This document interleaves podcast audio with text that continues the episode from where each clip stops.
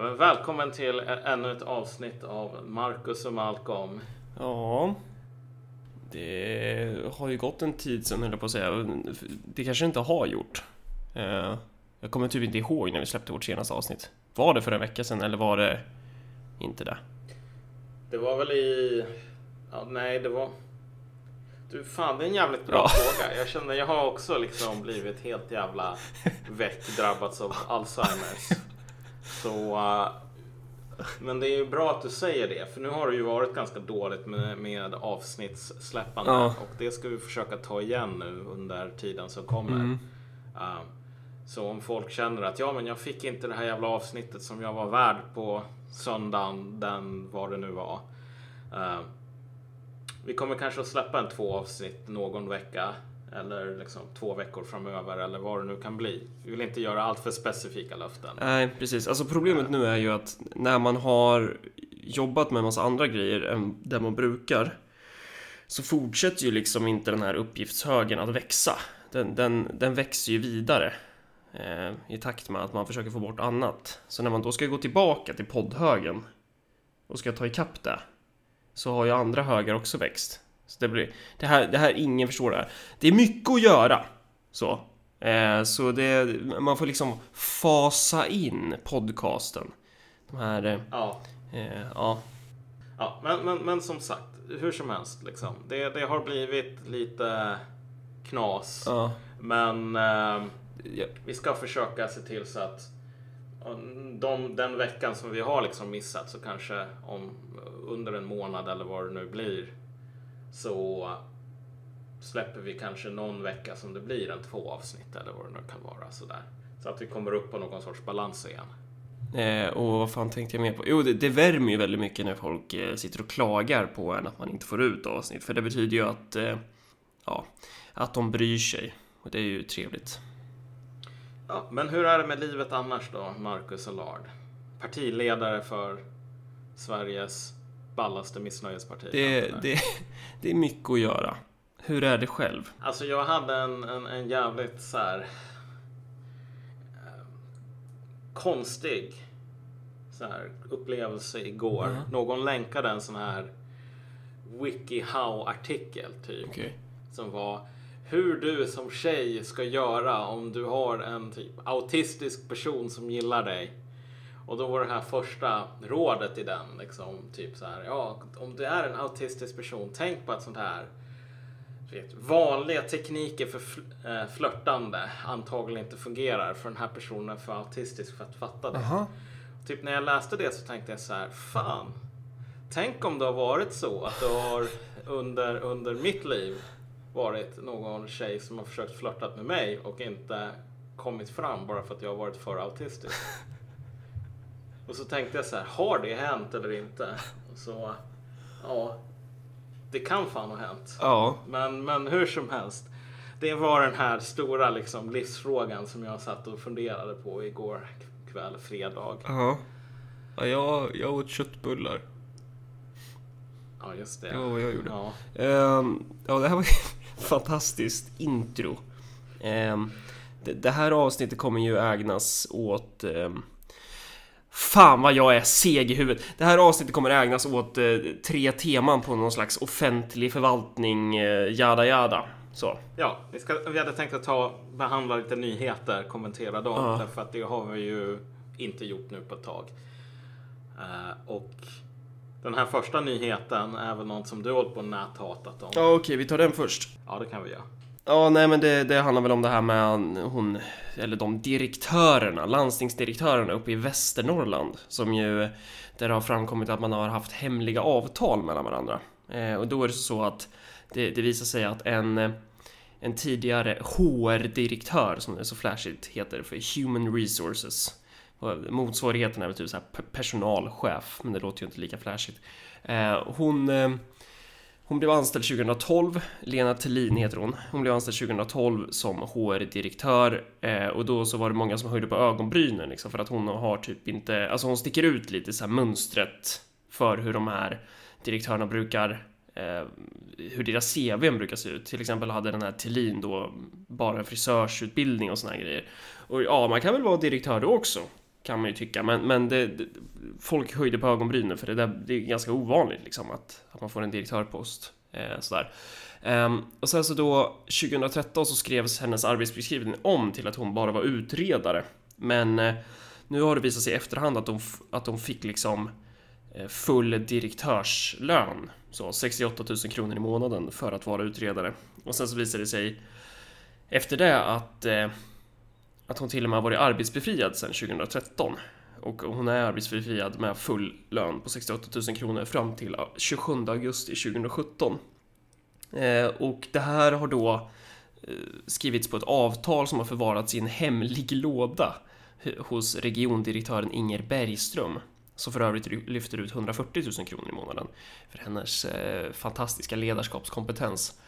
Ehm, jag vet inte om jag kan klippa in grejer från Sveriges Radio här, men Inger Bergström, du berättade i morse att Lena Tellin fortfarande anställd av landstinget, att hon får ut sin lön på 69 300 kronor i månaden och att hon fortfarande jobbar utför arbete åt landstinget.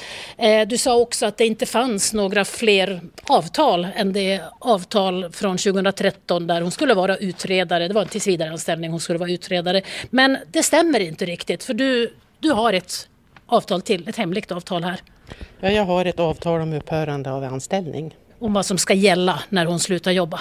Precis, mm. så är det. Och jag blev så överrumplad när du, när du ringde så jag ber väldigt mycket om ursäkt att jag inte sa sanningen. Mm. Men varför ville du dölja det här avtalet? Därför att det här är någonting som jag har gjort på uppdrag av min tidigare chef, landstingsdirektör Anders L Johansson. Eh, som jag har tecknat det här avtalet med, med Lena Tellin. Mm. Och vad går det här avtalet ut på? Vad är det hon får i det här avtalet? Hon får behålla sin lön fram till den 27 augusti 2017 och är arbetsbefriad under den här perioden. Och hon får också gå en utbildning. Det är en treårig utbildning på Gestaltakademin? Ja, det stämmer. Mm. Varför, varför ville du dölja den här, det här avtalet? Varför sa du att det inte fanns?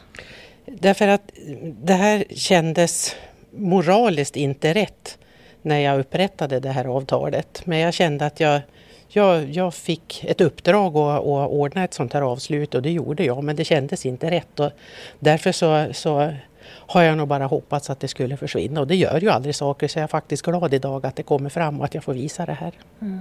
Eh, men det var din företrädare, eh, landstingsdirektören Anders L Johansson menar du, som, som bad dig upprätta det här avtalet? Ja, eh, han ville att jag skulle göra ett avslut med Lena Thelin, ja. Men vem var det som kom med alla de här förmånerna för henne? Att hon skulle vara arbetsbefriad och fortsätta få lön så här länge? Det var ett krav som hon hade. Och det hade Anders L Johansson gått med på eller var det du som gick med på det? Ja, det var nog en kombination. Jag kände mig faktiskt uppmanad att träffa det här avtalet. Du kände att du var var du tvingad på något sätt att skriva på? Nej men så är det ju inte, man blir ju inte tvingad. Men jag är väldigt plikttrogen och lojal och vill landstingets bästa så jag trodde att det var det jag gjorde. Mm. Men du kände, säger du, att det var att du kände på en gång att det här var inte riktigt rätt att göra så här och att dölja avtalet? Nej, så är det. Så är det. Och det är någonting som jag ångrar djupt. Jag önskar verkligen att jag hade gjort det. För jag är en, en person som verkligen försö försöker göra rätt och riktigt. Och jag vill att vi ska vara en, en organisation där, där det verkligen är genomskinligt i vad som finns och det, det, är någonting som jag ångrar djupt. Mm. För när jag pratade med dig så sa du att det finns inga fler avtal, du är helt transparent, landstinget diarie för allt. Men det här har legat i någon låda? Ja, det har det. Fruktansvärt. Så att nu blir det ett, ett tredje avtal med Lena Thelin som landstinget har dolt under lång tid som inte har diarieförts förrän flera år senare. Ja tyvärr. Och jag ångrar det djupt. Jag, jag verkligen ångrar det djupt. Varför skulle Lena Thelin få så här pass förmånliga eh, villkor när hon slutade? Ja, det är ju en fråga som du måste ställa till Lena Thelin eller Anders L Johansson. Frågade inte du det? Varför ska Lena få en treårig utbildning? Varför ska hon ha lön ända till 2017? Ja, som jag sa så får du ställa den frågan till de inblandade parterna. Jag utförde vad jag blev ombedd att göra. Men det, det är ju en jävla korruptionsskandal liksom. Eh, mm. Och det här är ju då samma landsting som lägger ner ett jävla BB som jag vet inte hur många tjänade det där, kanske 30-40 tusen länsbor så. Ehm, så att morsor har varit tvungna att föda barn i bilar och sånt där. Ehm, det är där landstinget. De skulle spara 15 miljoner på att lägga ner ett BB och sen så bara håller de bara på öser pengar på de här parasiterna inom förvaltningen då. Ja, alltså en månadslön på typens, vad är det, 70 000 kronor i månaden.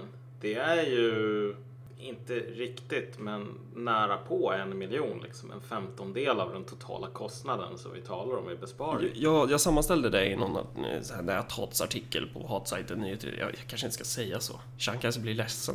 Eh, nej men Det får fan bli den jävla ormen. jag, jag sammanställde en, eh, en lista på 20 landstingschefer och de, de kostar ju landstinget eh, 30 miljoner.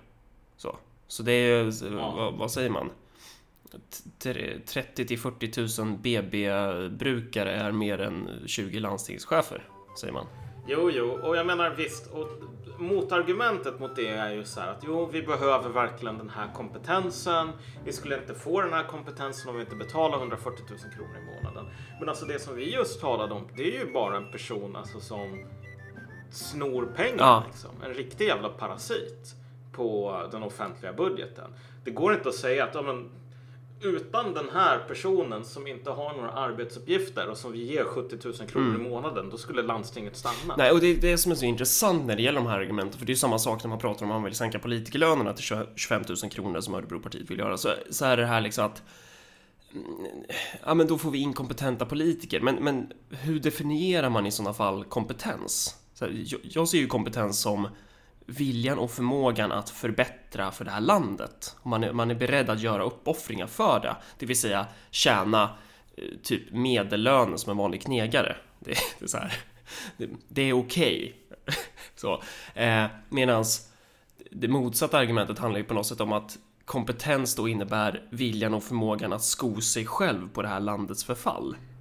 Jo, exakt. Jag menar, det, det, jag tycker inte att det här motargumentet håller. Nej. Utan jag tänkte bara säga att alltså, det är ju det motargumentet som skulle kunna komma. Precis. Men inte ens det är applicerbart Nej. riktigt på den här situationen. Och det är ju fan riktigt läskigt egentligen. Ja. Och jag menar, det här är ju det är värt att ta upp för att det kommer ju komma fler sådana här fall. Vi har ju inte sett det sista av det, utan den här sortens korruption, den, den ökar ju i Sverige. Det är ju bara så här, hela jävla förvaltningen har ju bara blivit en jävla rofferifest. Eh, men en grej som... Eh, nu sitter ju folk och spekulerar i huruvida det kan ha varit någon så här kärleksaffär inblandat eller om så här eh, för, att hon Thelin säger att hon blev dåligt behandlad och var därför hon fick det här hemliga avtalet då. Att hon har 68 000 i månaden i fyra år arbetsbefriad. Samtidigt så har hon ju då blivit förvaltningschef i en annan kommun i, i Sörmland då, i Strängnäs.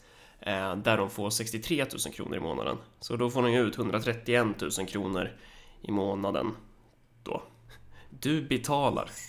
Det här är så jävla farligt just på grund av att... Jag menar...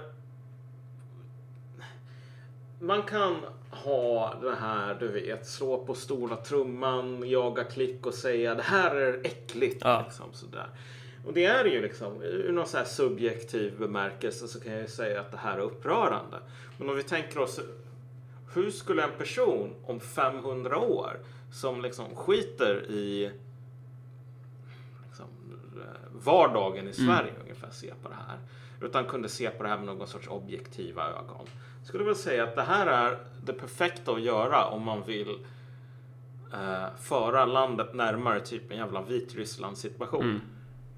Alltså, när du har människor som tvingas föda barn i bilen på grund av att det inte finns pengar. Och sen så ser man hur folk inte ens har den här grundläggande ärligheten och liksom säga ja men okej, det finns inte pengar, därför kan vi inte ge dig en miljon kronor av landstinget, landstingets pengar för ingenting. Liksom. Därför att vi har inte pengar. Vi kan inte slösa bort massor med lyxgrejer. Alltså det här, är, det här är farligt därför att det kan faktiskt få reella konsekvenser. Mycket mer än vad det redan har fått om vi säger så. Och nu, nu är ju det här klassiska eh, Special Olympics i, i att politikerna ska hålla på och säga om, alltså säga att ingen visste någonting och alla skyller på alla och den här region, regiondirektören hon, hon avgår och så, och så är det ur världen liksom. Men, men det, själva mönstret i svenska förvaltningen fortsätter ju. Och det eskalerar ju. Den, den här sortens korruption ligger ju som ett tät dimma över Sverige alltså. Du vet, dagens samhälle har ju gjort någon sån här stor exposé om det här med politiker får motta massor med hot. Ja, Jag tror att det var någon sosse som de intervjuade som sa liksom att jo men efter det här jävla eh, den här nedläggningen Mm. så har det ju varit folk som bara skickar en mail bara vi vet var du bor, vi ska döda dig. uppe i Norrland. Det är ju inte så himla kul. Ja, precis. Ja, men vad förväntar de sig? Jävla idioter. Och vad, vad tror de att deras uppdrag handlar om? Liksom? Gå in där, tjäna pengar och sen lägga ner någons BB. Och det är också det som är så intressant så här när det gäller prioriteringar. BB är väl typ en av de grejerna man lägger ner sist. Mm. Jo men alltså, jo, men det här är det som jag menar med att det är farligt. Typ. Helt oaktat vad man tycker om liksom, sakfrågan. Förtjänar politiker att bli hotade eller inte? Vi säger att du säger att nej, ingen förtjänar att bli hotad. Ingen förtjänar dödshot. Alltså, det är en jävligt svagt röd. Därför att liksom, vi har nog med kunskap, historisk kunskap för att se att så här, gör man, beter man sig så här? Eller tillåter man sånt här beteende? För det var väl inte den här sossen som blev intervjuad som var liksom ansvarig för hela den här situationen. Men det är inte omöjligt att vi hamnar i en situation där folk inte bara hotar politiker utan där de faktiskt gör slag i saken. Och då, om det går tillräckligt långt, då kommer folk bara säga, men vet du vad, den här jävla fittan förtjänar det. Varför ska jag hålla på och gråta över att en person som tjänar 130 000 kronor i månaden blev liksom, ha- fick halsen avskuren eller någonting. Måtte alla politiker råka ut för det. Och jag menar, när du väl hamnar i den situationen, man ska inte hålla på, även om man är någon jävla våldsromantiker, vilket varken du eller jag är. Så liksom, det så många som bara tycker, ja men fan vad bra, ut med dräggen och så vidare. Många av dem verkar ju inte förstå att när det väl blir acceptabelt att hålla på och hota folk eller liksom utsätta dem för våld och så vidare. På grund av att de är jävla skitstövlar. Så här, hur är det som man säger i Pringles-reklamen? Once you pop you can't stop. Nej, men precis. Då, är- då är tåget igång där. Ja, det börjar med människor som du tycker, ja men vad fan, de här har Mm. ändå gjort någonting för att förtjäna det. Det kommer inte att sluta där. Typ. Men, jag tror, men att- går det liksom att hejda den här utvecklingen? För jag tror att vi kommer hamna där i en ganska snar framtid. Jag menar, jag, jag, Ja, jag jag är uppriktigt sagt förvånad över att, att det inte skett fler attacker mot politiker i Sverige. Därmed säger inte jag att man, att man ska göra så, utan jag bara säger att jag tycker det är förvånande. Alltså jag tror att det där är problemet med det där är att det där är som en jävla, du vet när du tar en typ burk eller flaska Mm. med HP-sås. Ska du få ut lite på tallriken. Och så kommer det lite för Håller du mycket. på och skakar och skakar. Sen så kommer en jävla tsunami av HP-sås och dränker hamburgaren och alla pommes. Varför är, där- det- varför är sådana flaskor så jävla dåligt designade? Är det för att det är britter som, har, som ligger bakom det? Ja, jag vet inte, men det är, så funkar det ju med svensk jävla ketchup också liksom. Nej, Fy fan inte. vi har bra, bra svensk design på våra flaskor här. Fast de här sakerna tillverkas ju i Polen. Ja, men det... Hur som ja. helst, alltså, ja, poängen här är, förutom att jag gillar HP-sås och du tycker att allt som är svenskt är bättre än det som inte är det. Så jag menar, man blir förvånad över hur snabbt sånt här Mm. går. Jag tycker verkligen, jag menar om man ska vara helt ärlig, jag har svårt att se hur någon i Västernorrland kan stirra på liksom ehm, de här rubrikerna om att man har gett bort, givit bort en miljon kronor eller nästan så av landstingets pengar i någon så här antagligen gravt olaglig sån här vänskapskorruption. Samtidigt säga- som de lägger ner ett jävla BB så att en morsa får stå Ja. med navelsträngen hängandes mellan benen i snötäckt jävla... Ja, fan alltså. Nej men, nej men exakt, det är bara så här. Det är, det är en otroligt farlig situation. Därför att de här, det, det är mer eller mindre omöjligt att undvika att folk kommer att bli hotfulla då. Helt oavsett om vi tycker att det är bra eller inte, vilket jag inte tycker att det är. Jag tycker att det är jävligt farligt när den här saken liksom sätts i system. Men det kommer bara bli mer och mer sånt. Det kanske är rent av är Ryssland som ligger bakom allt det här. För att det är ju väldigt... eh, Det, hade ju varit en smart strategi liksom. Om man vill, om man vill fucka upp ett land. Ja, exakt. Men du vet, det här är ju det. Vem fan var det som sa det liksom? Civilisationer, de, de mördas inte. Det enda sättet som de kan dö på det är genom att ta, begå självmord. Jag tror att det ligger jävligt mycket i det normalt sett faktiskt. Att det är inte utomstående som är kapabla och, och åsamka den här sortens skador till ett samhälle. Det är bara de som är en del av samhället. Mm. Det, det är intressant om hon eh, regiondirektören som skrev på det här avtalet också. Hon hon skyller ju ifrån sig. Hon skriver på det här pappret fast det är egentligen inte hennes fel. För att hon citat ville vara lojal mot landstinget och, och, och hon, hon är en plikttrogen människa och det här hade varit för landstingets bästa att skriva på det här. Och så skyller hon på den avgående regiondirektören då. då. Eh, så jag vet inte. Ska, ska, man, ska man betta, sist jag bettade så förlorade jag pengar på jävla eh, pissvalet i Frankrike, men ska man betta här så skulle jag betta på att, att det är någon jävla relation med typ Thelin och den avgående direktören eller någon, något annat sånt smaskigt. Jag kan ha jävligt fel, men jag skulle inte bli förvånad. Ja, jo, precis.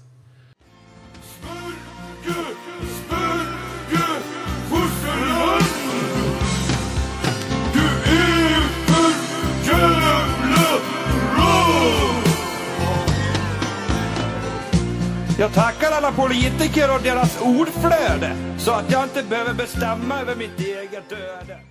Men om vi ska röra oss vidare till, till nästa föremål på agendan här om förvaltningssverige och dess eh, tragi, tragiska komik. Ja, och var, var hamnar vi då då? Det, det, det var, skrevs ju en artikel nu, eller flera, bland annat i SVT om en viss eh, somalisk skola som heter Kunskapsljuset i Norrköping. Tror jag. Är den bara somalisk eller är den islamistisk också? Majoriteten är, jag, jag tror, jag vet inte om den har någon sån här religiös profil. Nej. Att den- kanske är mer så här etnisk profilerad i, i liksom så här.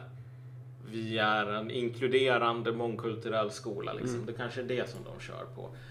Men, men hur som helst, den här, det här är alltså en skola som har mottagit över en period på sju år typ 23 miljoner kronor i, i extra anslag utöver liksom ordinarie budget.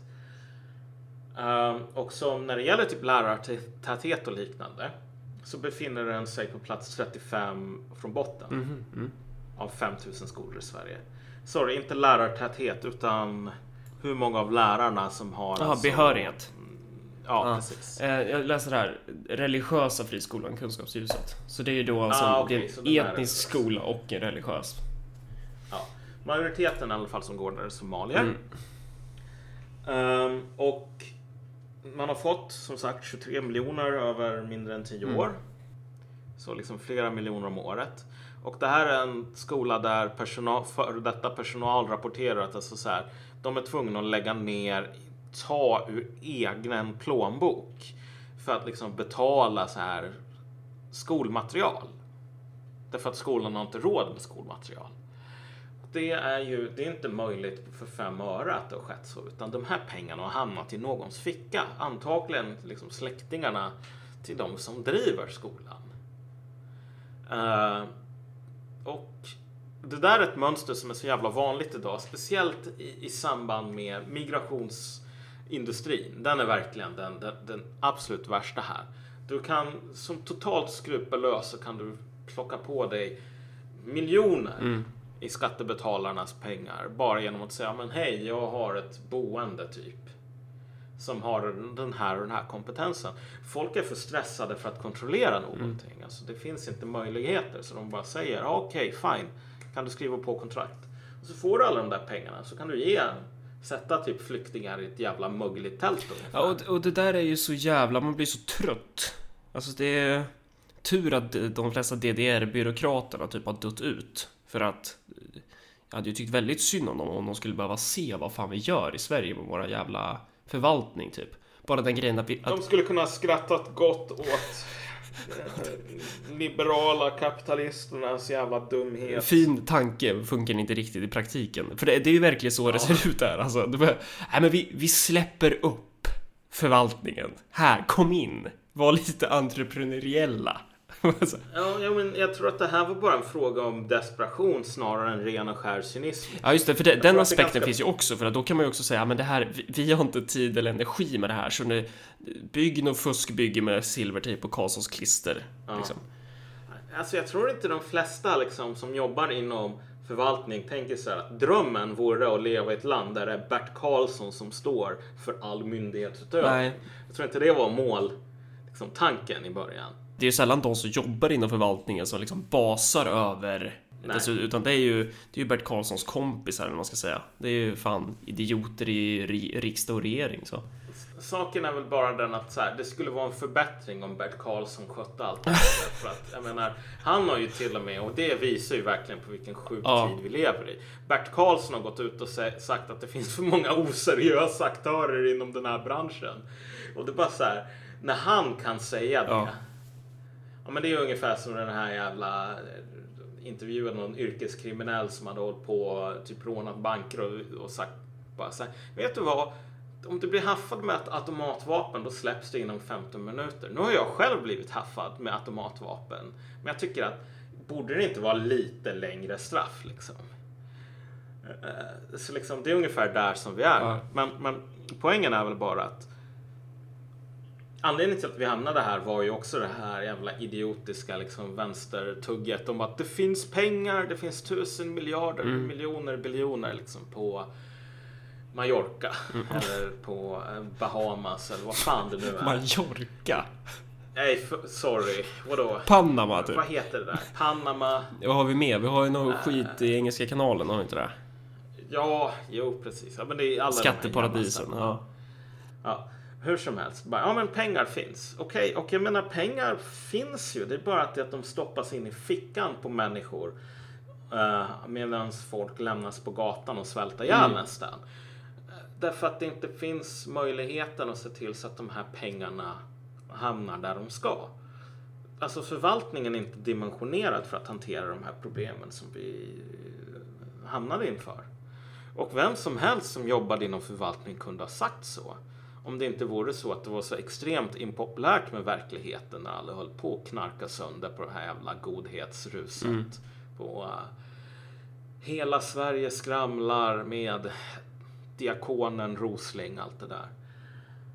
Och som sagt, det här kunskapsljuset, perfekta exemplet typ. Det finns ingen jävla anledning till att en skola ska behöva låta barn gå hungriga. Eller varför man ska vara tvungen att anställa en jävla busschaufför som extra lörare. För att man inte kan hitta någon annan och man har inte råd att anställa någon annan. Eh, när man får liksom flera miljoner kronor om året i extra stöd. Alltså det här är ju helt briljant. Det här är ju ett sätt för svenska staten att finansiera klanstrukturer. För det är ju de facto, det är ju det här det det, kom, det ja, det är ju det här det kommer leda till. Ungjävlarna kommer ju behöva typ så här vara utan mellanmål eller någonting och sen så kommer ju eh, typ, jag vet inte vad, kommer man bjuda in klanen så de får käka i matsalen istället. Jag menar så här, i 99 fall av 100 så kommer du att finansiera någon sorts, någons jävla klan. Mm. Och då blir det också så att det här är inte någon primitiv kommunism vi talar om. Utan det blir liksom att typ, de längst ner får en hundralapp och sen så köper de högst upp en jävla ny Ferrari ungefär. Som är ännu coolare än den som Henrik Schyffert har. Eh, men... eh, Och allt, allt är finansierat av svenska skattebetalare. Ja, exakt. Och, och, men den andra aspekten är väl att om du har riktigt tur eller otur och det här är liksom det hundrade fallet av hundra, då kanske de här pengarna går till Al-Shabaab istället. Eller något Ja, det finns det ju stor risk för. Och, det, och då kan man ju tycka så här. Man skulle ju kunna tänka sig att man säger nej, ni får inte hålla på och, och, och driva skolor. Det ska staten göra. Punkt. Men det är inte det här som är egentligen det, det, det riktigt liksom chockerande. Utan det chockerande är vad som händer efter det här. Och det är liksom kommunen säger att nej men vi har ingen jävla möjlighet eller ansvar att följa upp vad våra pengar som vi har gett dem går. Det är Skolverket. Redan nu, även om man ska argumentera för att man som kanske typ MUF vill, så här, de vill ha friskolor och grejer och redan nu finns det ju regelverk för att kunna slå ner på sån här skit. Men, men myndigheterna gör inte det. Nej, exakt. Så kommunen säger, ja men det här är Skolinspektionens Mm. jobb. Och så har man från Skolinspektionen och de säger, nej men det här är kommunens Ja. jobb. Vi har inget sånt här jävla jobb att hålla på och inspektera den här skolan. Vi jobbar på Skolinspektionen.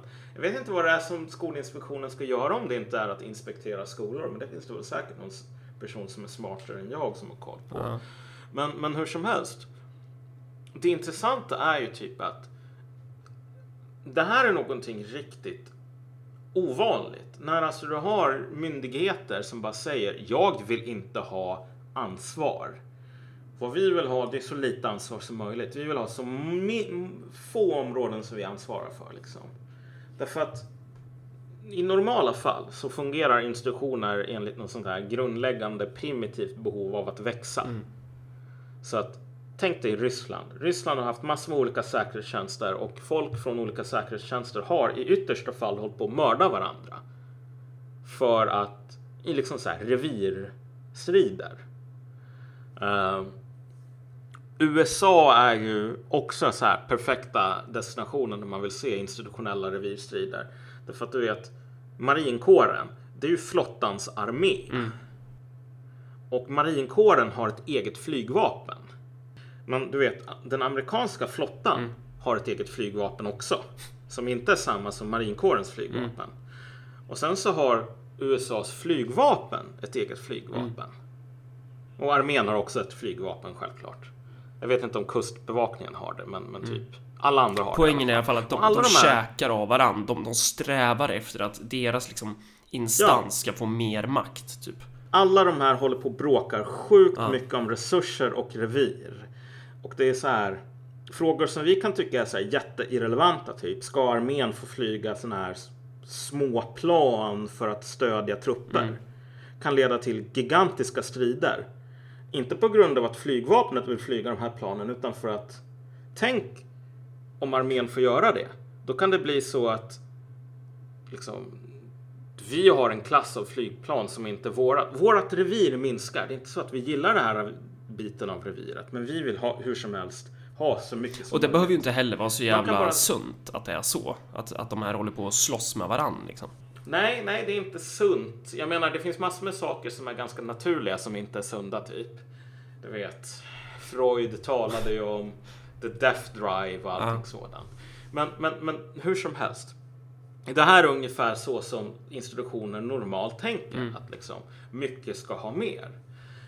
Och i Sverige så verkar vi bli ett riktigt undantag därför att våra myndigheter och våra institutioner, de vill bara ha mindre. De vill bara fly ifrån så här, Skolinspektionen, varför ska den hålla på att inspektera skolor? Varför ska kommunen göra det? Varför ska jag hålla på, vi på Vattenverket se till så att folk i Norrland har vatten? Alltså, när man börjar fly från de här sakerna istället för att försöka rå åt sig mer, då är det ett tecken på att någonting är riktigt allvarligt, allvarligt fel. Frågan är ju egentligen då hur man ska gå tillväga för att kunna stänga ner såna här jävla skolor. För det måste man ju göra, det, det råder ju ingen tvekan om det. Och om inte ens staten, om inte ens de här myndigheterna kan ta sitt ansvar och göra det, då, då faller det ju på andra människor att behöva jag vet inte, hitta nya kreativa sätt för att stänga ner de här skolorna. Jag, jag tycker för övrigt det här, det här borde ju vara typ en hög prio för liksom kommunister. Att avslöja de här skolorna och sen stänga ner dem. Det kommer fan att bli Timbro som gör det tror jag. Jag menar Ja. Timbro gjorde ju någon jävla stor studie om det här med MCUF typ. Som ändå var ganska, jag menar, säga vad man vill om Timbro. Jag tycker att alla de borde skickas i någon sorts läger någon gång. Men, men, Fan, vi måste sluta alltså- skämta om det här. Det är så jävla... Ja.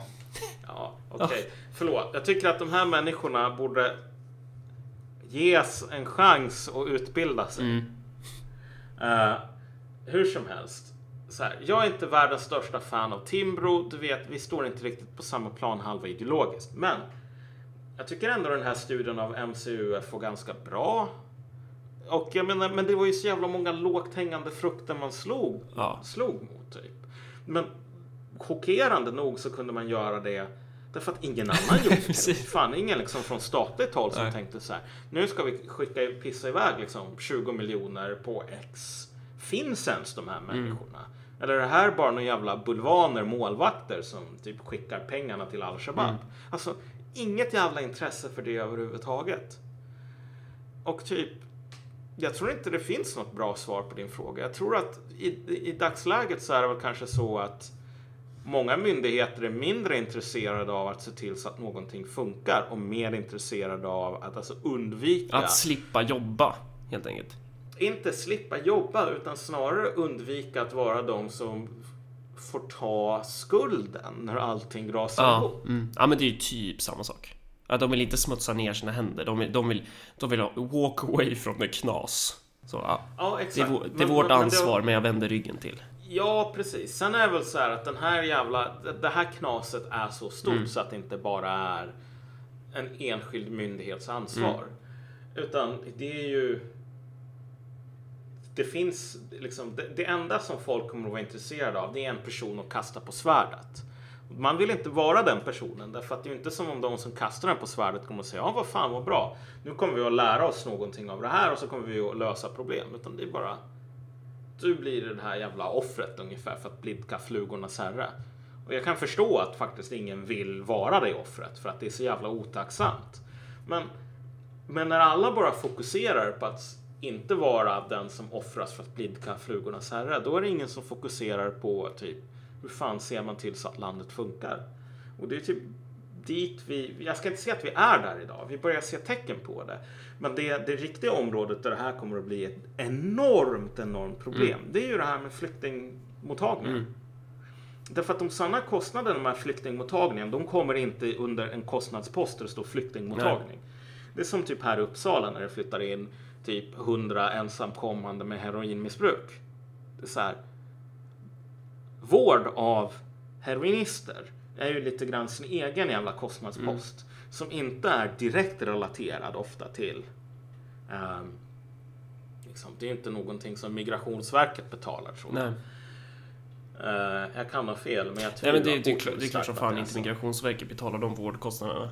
Nej. Eh, och det, det där kommer ju i förlängningen så kommer det ju leda till att den här Spärren kommer ju slås ner, liksom. bommen kommer slås ner och sen så kommer man bara genomföra vansinniga nedskärningar helt enkelt.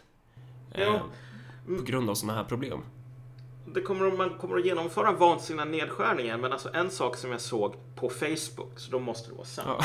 Det var alltså någon sån här moderat KSO, alltså kommunstyrelseordförande, eh, som bara postade en bild från de möte som hon var med kommunfullmäktige. Det var någon från Migrationsverket som kom över och enligt den här moderata kommunstyrelseordföranden, som jag tyvärr inte kommer ihåg namnet på, så sa de bara från Migrationsverket att okej, ni får de här siffrorna på så här många ska ni ta emot. Och sen om det inte finns några bostäder, ja men alltså det finns väl tält typ. Det är så här. Det enda som var intressant, det var liksom hur många jävla pinnar eller jävla eh, siffror du klarar av. Liksom. Vad står det i ditt spreadsheet? Pissiga jävla förvaltningen som vi har idag. Det, det finns ju ingen helhetssyn. Det finns ju liksom ingen, Nej. ingen känsla för att staten ska fungera som ett väloljat maskineri liksom. Nej men exakt. Men vet du vad? De från staten kommer då att säga så här. Men vi har det här jobbet, vilket är Ja. att skicka ut x antal människor till den här kommunen. Det har vi gjort. Och så kommer kommunen och säger, men det är inte vårt jobb. Alltså, nu har vi tagit emot dem. De finns i kommunen. Och sen om de vill bo någon annanstans på gatan, jag menar, då får de ringa staten och säga att liksom, staten får hjälpa dem att fixa en bostad. Det är så här. Det, det är inte bara cynism här. Det är fan illa nog. Men det är den här sortens så här du vet, Svarte Petter. Ah. Hela poängen med Svarte Petter är ju att alltså, Man vill inte ha honom. du ska inte vara den vid spelets slut som sitter med Svarte Petter. Så liksom, kruxet med hela spelet är ju att föra över den här jävla förgiftade bägaren till någon annan. Ehm, och det är ju typ där som man kommer att hamna med liksom flyktingar överlag. Men återigen, det här är ju då tecken på hög kompetens också ska vi komma ihåg.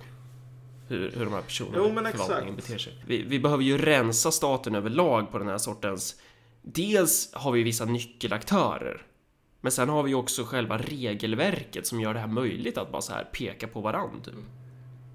Men exakt, men alltså de som håller på att peka på varandra, det är fan inte en jävla handläggare på Nej, nej, nej, utan det är ju toppar. Det är Det är ju de som, det är Ja. de som sitter och lyfter de här skithöga lönerna och säger att ja, men vi är ju av Guds nåde för vi är så jävla kompetenta och allt vad fan de Ja, kommer. och jag menar de flesta av de människorna kommer ju inte inifrån pyramiden. Jag menar det är ju inte som om... Vad ska man säga? Det är så här. Vi tog upp den här personen som blev HR-chef. Mm. Jag menar det är ju inget fel egentligen att ha liksom en frisörsutbildning till exempel och sen jobba som HR-chef. om du gör det på någon så här koncern för, eller fackförening för frisörer. Typ. Jobbat dig upp från skyttegravarna. Men ofta så är det ju ungefär den erfarenheten man har plus jag är kompis med rätt personer. Som gör är liksom banan in på topp. Ja, det är lite som ett, ett föräldra, alltså en egen ny adel på något sätt. Ja men exakt. Eller det är som fan armén på, på 1800-talet liksom. Det, är så här, det finns två jävla portar man går in i den. Antingen så är man adelsson och då börjar man som någon sån här typ kadett, typ underlöjtnant. Eller så är du inte adelsson och då börjar du som kanonmat. Och jag menar, kanonmaten i Sverige liksom, i förvaltningen, det är fan inte de som är problemet. Nej, exakt. Utan det är verkligen de här som går in genom den andra dörren som är de som driver de här. så- Alltså det är som folk som kör en motor eh, liksom hastigheter eller liksom växel som de inte klarar Mm. av. Så börjar motorn hacka och sen så går den sönder. Eh, det är typ toppen som är problemet och det är de här politiska direktiven som säger ja men gör det omöjliga med noll kronor. Typ. Och det är de man måste slå mot på ett eller annat sätt. Det är de man måste få bort. Exakt. Ehm, men... ehm, ja, nej fan. Det är Marcus och Malcolms podd. Ska vi gå in på den sista punkten? Ja, det kan vi göra. Och där ska vi snacka bostadsfusk. Ja. Det här är också en sån där grej som jag såg på Facebook så då måste det vara sant. Det är ett så här källkritik, vad är det? Jag läser inte Nej, men jag, jag har hört om det också. Det är... Källkritik, jag läser inte vadå? Metro, du vet, de eh, viralgranskaren liksom. Nej, du vet, jag, jag är fortfarande en jävla Du, kläm. när vi ändå är inne på Metro, är det inte intressant att han Kviberg använder epiteten stalinist? Jag menar, det, det, Jag tycker det här är kulturell appropriering. alltså det är ju, det är ju trotskistiskt skällsord. Och dessutom så vill, vill Kviberg satsa på, han sa ju det innan han lämnade över alltihop till Agar Hansen. Han vill ju satsa på en analog upplaga. Det, det, är, ju, det är ju ännu ett trottetecken att han liksom vill stå i tunnelbanan och, och sälja, sälja tidningen liksom. Ja, fan det här har jag inte Nej, tänkt på. men och, kan och Chang Frick, liksom- den helt okritiska, obildade journalisten, han, han missar det här. Kviberg säger stalinist och han missar fullfrågor om Kvibergs eventuella trotskistiska eh, affiliering. Du, det här är fan så jävla stort. Ja, Så vi måste göra ett eget avsnitt på det här med typ trottarna i, i det, de högre skikten på samhället Mm. som styr allting. Men eh, ja, nej, vad fan. Det är någonting för er att fundera på där ute i stugorna, lyssnare. Liksom. Har trottarna Mm. och vad händer sen? Jo? Kviberg försvinner. De splittras. Ja, du, wheels within wheels. liksom. Det här, Men det bostadsfusk. här är något sjukt stort. Eh. Ja, precis. Och jag menar, så här, detaljerna i det här var ju en, ett argt Facebook-inlägg som bara var Hej, jag var inne på typ Skatteverkets jävla sida. Upptäcker att det är typ två personer, två män i 20-årsåldern med utländskt klingande namn inskriven på min jävla bostad. De här människorna vet jag inte vilka de är och de bor inte här. Eh, och det fascinerande här Ja. är alltså att så som de här, det funkar med typ att skriva sig någonstans. Det är inte, o, det är inte olagligt att uppge fel adress. Nej. Någon person skulle kanske kunna, eller skulle kunna hävda till Skatteverket att han bor på min adress. Och typ då skulle jag rent konkret hamna i massor med problem med Skatteverket. Eh, och då skulle det vara så här att jag skulle vara den som hade beviskravet på att de här personerna inte bor här. Och misslyckas det, då kan jag liksom hamna i alltså, juridiska problem. I yttersta fall, fall fälld för typ bidragsbrott eller någonting, vilket du kan få fängelsestraff för. Så att du har alltså en situation där det är jätte, den som begår bedrägerier är inte den som liksom hammaren kommer ner på, utan det är den som blir utsatt för bedrägerier som måste bevisa sin oskuld. Eh, och varför är det här intressant egentligen? Ja, det är ju intressant för att, för att det här har man ju kunnat göra ganska länge.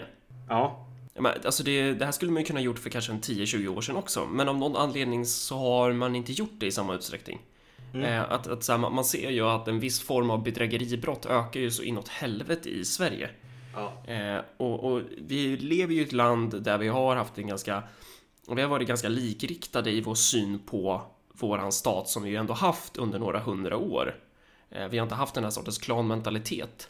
Men eh, och då kan vi inte tänka liksom att människor som växer upp under andra förhållanden som formas av andra omgivningar på något sätt blir att de blir olika oss även i sitt sätt att förhålla sig till stater. Jo men exakt. För det är ju det som är intressant här. Ehm, äh, bara den här idén om att okej, jag kan fuska. Jag kan fuska och typ eh, få bostadsbidrag genom att skriva mig på den här adressen eller vad det nu är. Men jag gör inte det för jag har en Ja. idé om att det här är ju faktiskt, eh, det är ju olagligt. Så då är det I det här fel. fallet är det ju inte olagligt. Men alltså, men det, det hindrar Det skulle ju... Man gör inte så. Nej, man, precis, det är den. Man gör inte så. Ja. Och jag menar, men, men det, det som är verkligen så intressant här är ju att, kolla. Det har inte varit ett problem förut. I alla fall inte ett nog, med, nog stort problem för att man ska göra någonting åt det. Och det intressanta i det där Facebook-inlägget eh, är ju att så här, det är skitmånga i kommentarerna som bara så här, taggar in folk bara Kolla, du är inte ensam om att ha så här, inneboende utan att du vet om det. Ja. Och, och liksom, nu har, kommer ju hela den där, du vet, vi, du och jag, Marcus och Malcolm, vi har ju varit väldigt drivande i den här nyfascistiska ondskelinjen som håller på att vinna i Sverige, typ. Vinna, var, var, vinner vi? Eller ja, eh, ja, ja, det är vi som vinner alltså. Ja, ja, jo, men Ja. nazismen, hörde du. Okej, mm. Högerextremismen, liksom. Har du inte, följer du inte Ali Esbati på Twitter? Nej, det gör jag inte. Nej, jaså? Ja, Eller jag måste kolla, det kanske jag gör. Jag tror inte jag gör det. ja det, det skulle vara, jag skulle inte kunna sluta skratta om det visade sig att du gjorde det. Så här, it's current year 2017 typ. Ali Esbati. Denna chefsideolog inom... alltså, Ja, herregud. jag följer inte jag, jag, jag, jag tycker att så här, vi- nämner inte Ali Esbati mer här för jag kommer att få någon sorts liksom vredesutbrott. Inte bara att den sopan är dålig som ideolog, alltså hans memes. Det borde det fan vara dödsstraff på. Liksom. Ja, här ser vi då hur Malcolm Schiune stämmer in i nazisternas eh, berättelse om att eh, vi, vi som står upp för demokrati och människovärde, vi, vi, vi ska dömas till döden. Kommer han twittra nu. Ja, men vad fan. Du vet, deal with it liksom. Ja. Hur som Ja, helst, ja. okej. Mm. Inget mer om Ali Esbati, den sopan. Då ska vi se. Vad fan var det vi snackade om? Eh, bostadsbidrag var vi Ja. någonstans och så... Ja. Okej, jo exakt. Eh, man märker hur jävla liksom unhinged jag blir över folk som håller på och misshandlar och är dåliga med memes. Att jag glömmer bort var vi var någonstans. Men, Nej, att folk kommer in i kommentarsfältet och säger att ja men kolla du har också inneboende och att det här är... Va- Varför har vi inte sett det här tidigare och så vidare? ja. Jo men exakt. Och anledningen är ju bara så här att vi har inte sett det tidigare därför att vi har levt i ett land där majoriteten av befolkningen har tänkt så här. Så här gör man inte ungefär. Alltså, det har inte funnits på radarn att det här skulle vara en svaghet i regelverket, vilket Nej. det uppenbarligen är nu. Därför att även om det nu rent hypotetiskt var en svaghet så är det liksom en som ingen skulle utnyttja. Och nu när folk börjar utnyttja den, då, då inser man så här att allt det här snacket om att typ, vi har varit naiva är ju någonting som folk säger stup i kvarten nu verkar det som. Bland annat med det här med typ åldersundersökningar som visar sig att oj, folk ljuger om sin ålder. Wow. Och det, och det är ju kanske inte så konstigt om det handlar om att man, eh, jag menar i, i många fall så, även om någon ljuger så kanske den, det kanske går åt helvete för den personen om det blir utvisad och sådär. Ja. Eh, Så det är ju, ja. Men det är ju inte, Jo. det är ju inte konstigt att folk ljuger om sin ålder. Det är ju, ja. Nej, nej, nej, men precis. Men just alltså det här med när man säger vi har varit naiva så tror jag att många bara syftar på att vi var för godtrogna. Vi trodde att det här var som i filmen Bambi ungefär. Men, men det här är ju någonting annat. Det här är någonting kvalitativt annorlunda. Här är det inte så, alltså den här naiviteten som vi talar om egentligen. Vad det här, det här med inneboende illustrerar är ju att naiviteten är inte att vi tänker människor är goda. Utan snarare att människor är som oss. Ja, precis. Alltså att folk från typ Mellanöstern, Nordafrika, ställen där det väldigt sällan finns stater som man har någon större tilltro till. Att de skulle ha samma idé om typ vad som är okej och vad som inte är okej i kontakten med en jävla statlig myndighet. Det är ungefär som att, jag menar du vet amish i USA. Om du bor i ett jävla amish-samhälle, då är det så här, då kan du verkligen lämna dörren öppen. Du behöver inte ha några jävla lås, du behöver inte stänga in dina grejer. Ingen kommer att sno av dig. Det finns inte så jävla många typ mexikanska ligor som åker över till USA för att råna allt som amish har. Typ. Vad fan ska de få över? Hästvagn. Ja, jo men exakt. Finns inte... Så liksom, och det finns inte så jävla många amish som är intresserade av att sno saker från varandra. Därför att om du snor saker, för det första, det är jävligt okristligt. Eh, men om du skiter i, Kristus liksom. Även om du gör det och sen så blir du påkommen, då kan du inte vara amish längre liksom. Du blir fan utstött. Det finns dock en marknad för stöldgods från amish-folk och det är ju den här sortens hattar som var populära på 1600-talet. Sånt kan du ju Ja, sälja till folk i vänstern. Ja, jo exakt. Det, Det- skulle vara så jävla kul om det blev det nya, nya modet så här. Ut med typ blått hår och näsringar, in med så här amish-hattar. Ja, det, det finns ju människor som går runt i amish-hattar. Folk, folk som går runt i hatt. Vem fan går runt i hatt? Det. Ja, men det, ingen går runt i såna här amish-hattar. Jo. Det gör ju, nej. jag ska fan, jag ska leta på någon bild. Jag håller på att göra en samling för övrigt, ett, ett album med, eh, med folk som jag hittar i sociala medier. Så nu håller jag på att kartlägga hela vänstern. Malcolm. Nej, men så här fula människor, ja, det, det, kan, bli, kan bli vackert en vacker dag. Det här, det här är så otroligt problematiskt på så många nivåer. Men hur som helst, det som jag tänkte ta med mitt kulturellt approprierande pittoreska exempel om typ anabaptister i USA är bara att om du är en jävla amish och så bor du i typ Pennsylvania med dina amish-polare och säger att vet du vad, motorsåg det är, det är typ, det strider mot Gud, det ska vi inte använda. Fine. Du vet, ha en jävla cykel och typ ta inget cykellås på den. Om du sen flyttar till Las Vegas och sen inte har någon jävla lås på din cykel. Nu tror jag inte många har cykel i Las Vegas, men you get the point. Den kommer att bli stulen direkt. Och jag menar, om du inte fattar att så här, alla människor utanför Pennsylvania är inte amish, utan det är snarare tvärtom. Det är typ ingen av dem som är amish. Och därför så är det, de agerar från ett annat mentalt universum. Jag menar, du kommer att lära dig den här läxan jävligt snabbt. Liksom, i the school of hard knocks. Och här har vi väl lite basöverbyggnad på ett sätt att så här, en viss förvaltning kommer ju få en viss sorts ideologi. Den här staten som vi har i Sverige, det var ju inte direkt som att den implementerades av, av ren fri vilja utan det har ju varit en ganska blodig process också genom de hundratals Ja. år som det här har liksom vuxit fram. Men det, det som händer nu är ju på något sätt att nu kommer ju basen vara tvungen att förändras lite efter överbyggnaden också. Att så här, Jo, den här förvaltningen kommer ju behöva anpassa sig efter problem som den inte har sett tidigare på det här sättet. Och jag menar, ja precis. Men det är väldigt fascinerande här är ju den här processen som man kan se pågå hos liksom folk man känner nu. När verkligen det börjar sjunka in att Sverige är inte längre ett jävla föregångsland. Alltså Nej. så här, hur många finns det kvar i Europa som tänker så här, fan Sverige, vi borde vara mer som dem typ. Våran vardag borde se ut mer som den gör i Sverige. Alltså det är nog fan inte så jävla många. Därför att de flesta resonerar väl ungefär så här. Att visst, okej, Sverige har väl en del goda sidor och allting sådant. Men alltså herregud. Wouldn't wanna be that guy. Och jag menar, det har de ju fan all rätt att göra. Därför att det är någonting jävligt konstigt i ett läge där så här, någon kan skriva in sig på där du bor. Och sen så kontaktar du Skatteverket och så säger de så här, ja, vi kan göra en undersökning, det är handläggningstid 3-4 månader. Och sen om du lyckats argumentera för ditt case så kan vi skriva av de här människorna. Ja. Annars så bara lycka till att få bostadsbidrag. Det är bara så här, det är inte den här personen som ska behöva lägga ner liksom flera veckors jävla arbete i någon juridisk process för att bevisa att den inte är en liksom, bedragare.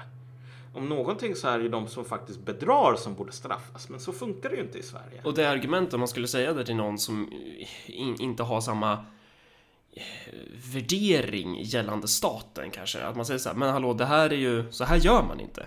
Det här är ju liksom, eh, man kan ju inte bryta mot statens regler eller mot samhällets regler. Den skulle ju bara, den skulle ju inte, det finns ju inte i den, den personens idévärld på det sättet. Utan det är så här, varför inte då? Exakt. Vet du vad? Det finns en ganska bra artikel som jag kan rekommendera som heter Ja. Why Arabs Lose Wars. Okej. Som har... ehm, alltså det är skriven av en person inom den amerikanska arm, armén eller marinkåren tror jag det är. Och du vet, det finns ju sjukt många sådana här samarbeten mellan USA och massor med militärer runt om i hela världen. Och han är ju en sån där som har jobbat mycket med liksom, typ attachéarbete. Åker över, instruerar folk i hur man använder den senaste jävla granatkastaren tillverkad i USA. Sådana grejer. Eh, och så det här är inte någon sån här ras liksom. Araber har ett kranium som är en och en halv centimeter mindre i omfång, bla bla, utan det är bara talar om så här rent kulturella skillnader som gör att en värnpliktsarmé i typ Egypten eller någonting är ofta en jävla katastrof. Därför att du har inte den... För det första, människorna på toppen av armén behandlar liksom värnpliktiga som skit, typ som slavarbetare nästan. Om det är så att det behövs vattnas jävla gräsmattan på den lokala officersgolfklubben. Då kan man bara säga, ja men här har vi värnpliktiga. Du får göra det här gratis. Så liksom, det finns sådana aspekter. Och det är också så här, var, varifrån kommer det? Jo, därför att det finns ingen gemensam idé om att så här, vi går in i den här armén och uppgår som en, blir en del av någonting större. Så här, vi är alla egyptier. Utan vad, de lojaliteterna som finns, det är för det första till din klan. Var det, just, vara- var det just Egypten som var eh, exemplet i boken? Eller tar du bara det lite på freestyle nu? Jag tror att han använder Egypten som ett av exemplen. Okej. Men Saudiarabien är ju ett annat och det är ju mycket Ja. värre. Men alltså Ja. Egypten har ju haft ganska många problem Okej, mm. på militärområdet. Så. Och jag menar problemen kommer ju från att om du är lojal till liksom, din familj, din, liksom, din, din klan, din Mm. grupp så. ehm, då har du liksom ett par imperativ. Och det, det största imperativet är bara att alltså, samla på dig prestige, samla på sig prestige åt sig själv. Därför att det är så som man klättrar Mm. inom den egna hierarkin.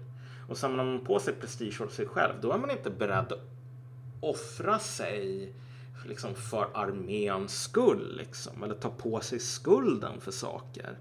Så att vad det här leder till är enorma problem i Alltså så här att sergeanter och liknande liksom inte kan arbeta tillsammans med soldater. Löjtnanter kan inte arbeta tillsammans med sergeanter. Alla bara är fokuserade på att inte ta på sig skulden för problem. Nästan ingen är fokuserad på att lösa problem om inte de själva kan få en eh, befordran eller någonting för att ha löst ett problem. Sådär. Eh, väldigt intressant artikel. Jag rekommenderar verkligen folk att läsa den. För det är inte så race realism. Utan det är en ganska grundad beskrivning av de praktiska problemen som en amerikan stöter på när han ska försöka liksom samarbeta med en, en olika arméer i Mellanöstern. Och den är också jävligt användbar därför att då förstår man ungefär hälften av anledningen till varför Sverige liksom har varit så totalt oförberedd på det här.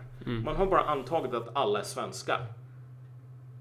Och som sagt, läser man den där artikeln så ser man hur jävla fel man hamnar om man som amerikan antar att ja, men vad fan, alla i Mellanöstern, de är typ som amerikaner. Så därför så kommer alla de här sakerna som vi amerikaner gör, alla kommer att förstå det på något så intuitivt plan. Och sen bara, nej, det blir inte så. Eh, så jag vet inte riktigt vad, vad det här kommer att landa i i framtiden faktiskt. Ja, det Jag går, tror ju, att- går ju åt helvete med allt. Jo men precis. Nej, jag tror så här, det, det sorgliga med den här situationen är när väl reaktionen kommer så kommer det att pendeln att svänga så jävla överdrivet åt andra hållet. Typ. Jag hade en konversation med en person som jag respekterar ganska mycket, som jag, vars namn jag inte kommer att nämna, men det är verkligen så långt ifrån en sån här flashback-postare man kan komma om vi säger så. Och jag sa det till honom att jag blir mer och mer liksom deprimerad när jag tänker på framtiden. Och jag tror att så här, 2020 eller någonting så kommer det att vara så här att det kommer att vara det normalaste som finns att tala om typ repatriering. Och inte bara repatriering av folk som kom hit 2016 utan också människor som typ har på en jävla libanesisk flagga på studentflaket eller något sånt. Och säger jag identifierar mig mer med Libanon än vad jag gör med Sverige. Liksom. Ja, repatriering kommer ju definitivt bli ett... Det tror jag också. Ja. Det kommer bli Jo, en alltså- stor grej inom svensk politik Ja. ganska snart. Precis, men, men, men antagligen också för människor som säger så här. Ja, men vet du vad? Mm. Fuck liksom Swedi. Bara massor med dumma rasister. Jag är egentligen liksom muslim. Jag är egentligen det här och det här. Jag tror folk kommer bara säga så här. Fan vad bra. Då åker du hit. Hej då. Eh, och visst, det finns massor med problem att ta ifrån folk så här, medborgarskap och så vidare. Jag tror man kommer hitta någon jättefin lösning. Så här, administrativ sådan. Och jag sa det att det här kommer kanske att bli en- realitet typ 2020 eller någonting.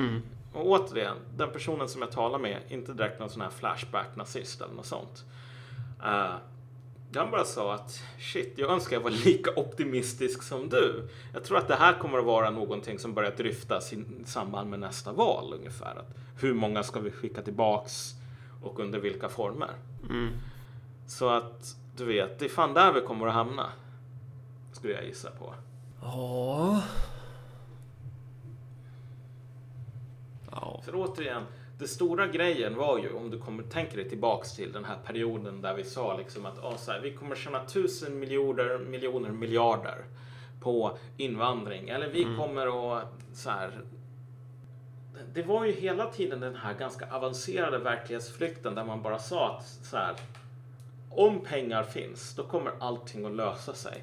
Och man ignorerar ju totalt verkligheten liksom, för människorna i, i skyttegravarna. Alltså, så här, de, de, de, de, den verklighet som svensk förvaltning opererade inom och de begränsningar som svensk förvaltning arbetade. Liksom. ja, precis. Det är ju helt skilda världar mellan de som på något sätt ska basa över förvaltningen och de som ska implementera allting och så vidare. Ja, Det är ju... och det, Ja.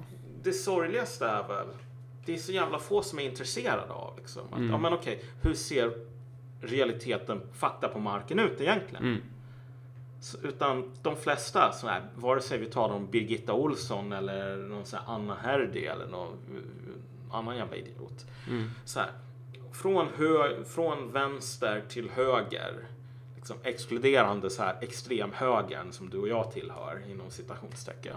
Kommunisten i extremhögern, ja. Ja.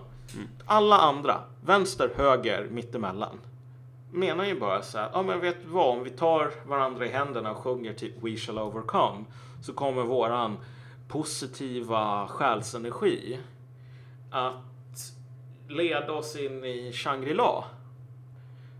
Och därför så är du som en vulgär materialist som säger att ja men vet du vad, så här, vad är möjligheten att anställa liksom 8000 nya handläggare på Migrationsverket över två veckor. Så här. Du, du, du, du, du kontaminerar den här fina liksom, metafysiska ver- eh, idealvärlden med massor med äcklig materialistisk verklighet. Och nu kommer den här materialistiska verkligheten att göra sig påmind gång på gång på gång på gång. Och ingen är ju förberedd på det för fem öre. Det är så jävla trälig map vi har hamnat på alltså. Mm. Vi har typ en settler som vi ska springa iväg med någonstans och det, det, är, bara, det är bara jävelskap överallt, över hela kartan liksom. Och som sagt, kolla. Du vet, jag blev ju ironiskt nog så liksom Flamman skrev ju så här efter det här senaste jävla Twitter-bråket som var totalt jävla löjligt. Men då skrev så här Flamman typ att kan någon förklara varför högerextremismen växer om det inte är så att Göteborgs-Postens ledarsida eh, är liksom legitimerar högerextremism. Liksom. Så här, du vet, man ställer verkligen den här frågan. Ja, men om det inte är Göteborgs-Posten, vad fan skulle det kunna vara då, typ? Ja, Och du vet, okej, nu, nu skriver inte jag för Göteborgs-Postens ledarsida, även om många tror att jag gör det. du är ju bara en- krönikör. Exakt. Men jag är en krönikör som skriver, vad är det, ledare är, nej krönikor, whatever. Hur som helst. Så här, jag kände mig ändå lite träffad för jag tänkte så här, okej, så det är jag här som sitter bakom mitt jävla skrivbord i Svartbäcken. Och det är jag som hjälper till här och ser till så att Sverige blir fascistiskt. Ja, men de, Så. de, de här människorna tror ju det. Jo, och det är bara så här. Det här är vad, vad folk, vad vi har hamnat i. Typ. Ju mer det visar sig att saker och ting i verkligheten, det är någonting som är liksom allvarligt fel. Det är inte så att man kavlar upp ärmarna och tänker så här, men okej, hur ser det ut inom förvaltning? Hur ser det ut i verkligheten? Vad fan är liksom, vad är flaskhalsen någonstans?